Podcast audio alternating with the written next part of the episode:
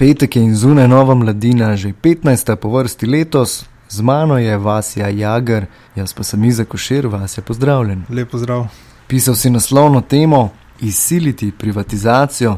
Predlagam, da kar sam pojasniš, kaj se pravzaprav dogaja v zdravstvu in kaj je s temi družinskimi zdravniki.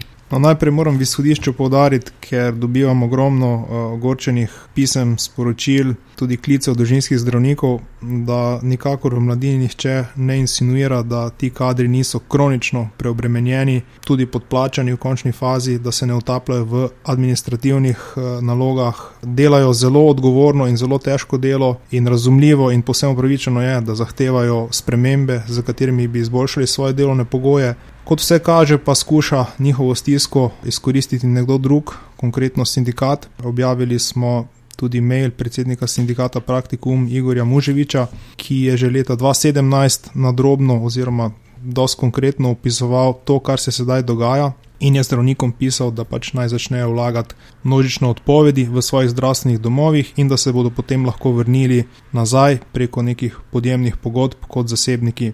Skratka, ob tem valu odpovedi smo se tudi na mladini seveda vprašali, kam bodo šli ti zdravniki, ne, ali bodo šli v tujino ali kam. No in sedaj se je izkazalo, da nekdo očitno v ozadju ima nek načrt, ki pa je lahko potencialno zelo, oziroma je zelo nevaren, ne samo za javno zdravstvo, ampak za celoten javni sektor in za sistem solidarnosti, ki pravzaprav drži državo skupaj.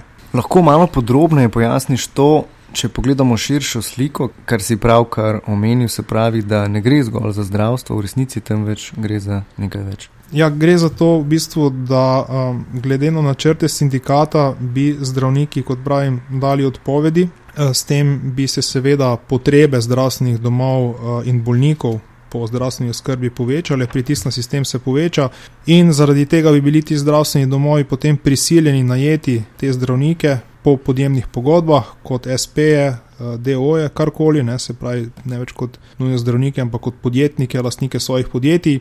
Nevarno je pa to zaradi tega, ker um, bi pravzaprav v istem trenutku enako lahko zahtevali, oziroma bi začeli zahtevati, uh, verjetno tudi policisti, šolniki, univerzitetne elite, skratka neke druge močne skupine v javnem sektorju, ki komaj čakajo na svojo priložnost, ki tudi čutijo, da jih ta okvir javnega uh, sektorja in plačnega sistema duši.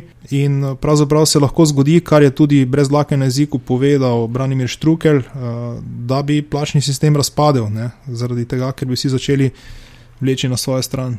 Med desetimi najvišjimi plačami, ki so bile izplačane v javnem sektorju, kar deset zdravniških, eden izmed njih je zaslužil kar 16 tisoč evrov, to je plača, v kateri lahko marsikdo v Sloveniji sanja. Ja, pri čemer je spet treba povdariti, da to seveda niso družinski zdravniki ne? in da ta poklic je, uh, zdravniški poklic je zelo razdeljen, ima tudi svojo aristokracijo in to so ti ljudje, o katerih govorite. Ne? To so predvsem starejši specialisti v bolnišnicah, ki uh, tudi predavajo na fakultetah ali kakorkoli.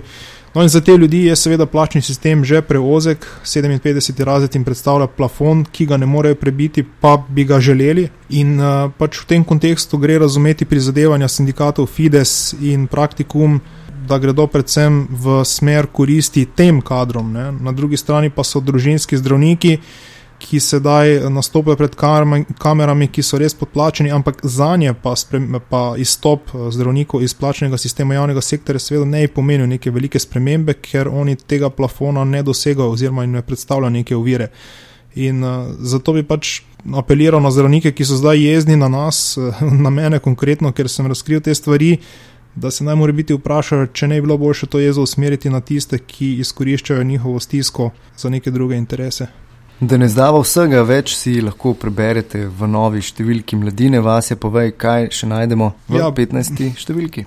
Borod Mekina je pisal, je, je naredil intervju z, z urednikom mačarske mladine, ki je malo povedal, kako izgleda življenje na drugi strani bodeče žice. Eh, Star zgonik je tudi napisal zanimiv članek o boju za muro, in dobro je izpostavil, se mi zdi to, da pravzaprav imata obe strani svoje argumente. Ne? Potrebujemo absolutno muro, to je prioriteta, potrebujemo pa tudi obnovljive vire energije, tako da enoznačnih odgovorov žal ni, tako kot nikdar. Glede Mačarske lahko morda omeniva tudi to, da smo dobili ogromno odzivov mačarskih državljanov in državljank, ki so nam pisali tako na službene maile, kot tudi na Facebook in smo komaj odgovarjali. Nekatere najzanimivejše smo objavili tudi v tej številki mladine in jih popisali.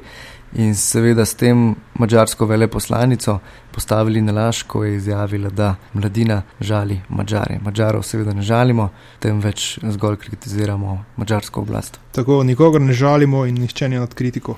Vas je hvala, več pa v novi mladini, seveda pa tudi obiščite našo spletno stran trikratvojneve.mladina.si. Hvala, lep vikend.